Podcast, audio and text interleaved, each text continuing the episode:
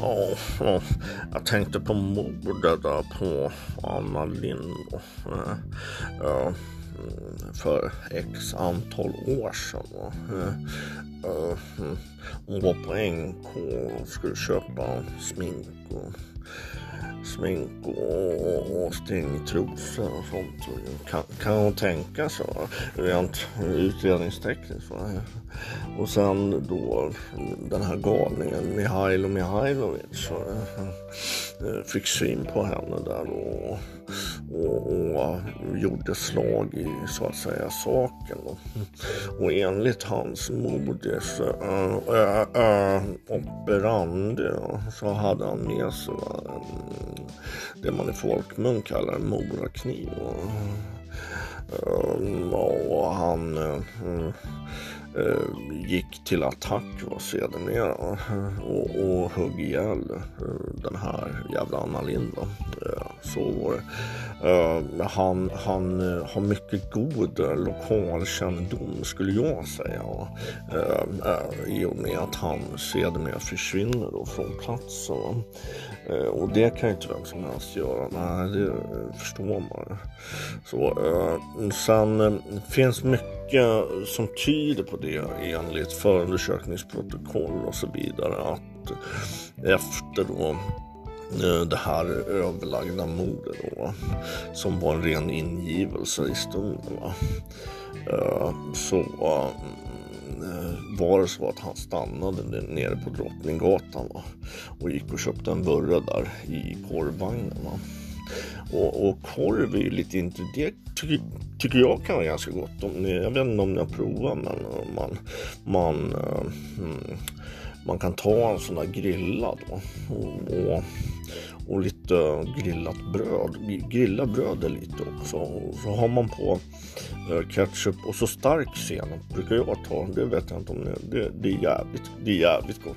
Och sen lite gurksallad på toppen. Det är så jävla fint och det är pricken över i alltså. Det är helt makalöst. Om ni inte har provat det. Så det Eh, enligt de ballistiska rapporterna så är det ju helt klart genomförbart. Va? Om man tänker i de banorna liksom. Om man följer indiciekedjan va? och, och gör sitt arbete och jobbar på. Va? Eh, och, och de har ju även drycker i de här korvvagnarna vad man kan ta. Det finns lite allt möjligt där man kan ta egentligen. Man, man kan ta ja, Loranga, Sprite, 7-Up, Fanta, Cola. Uh, bira tror jag inte de har. Men och kan vara jävligt gott också. Och sen finns det ju de här French hotdog. De är, kan vara jävligt smarriga. Då är det som något bröd där med något. Uh, mm, som man liksom någon sorts majo eller räksallad. Man trycker ner korvjäveln i.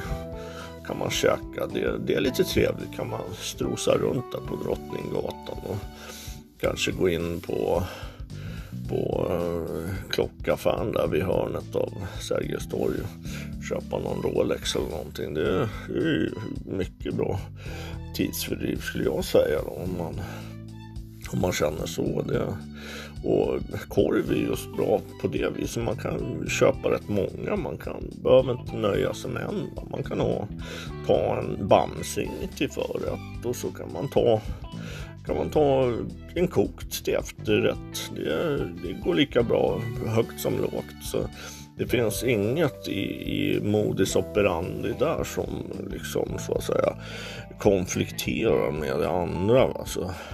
Men det, det är ju så att, att oj nu får jag ta på mig läsglasögonen här igen. Det börjar vattnas i munnen lite grann känner jag. För jag ser ju inte få ta av mig läsglasögonen igen. Så att, men eh, där har ni så att säga facit och sedermera på hur det här mordet på Anna Lind gick till. Va? Behöver ni inte ligga sömnlösa över det och mer. Grubbla, tänka och fundera i olika banor. Utan det, det, var, det var så det utspelas och, och, och, så. Så kanske vi ses nästa vecka då. Eller ja, ja, ja, ja, ja.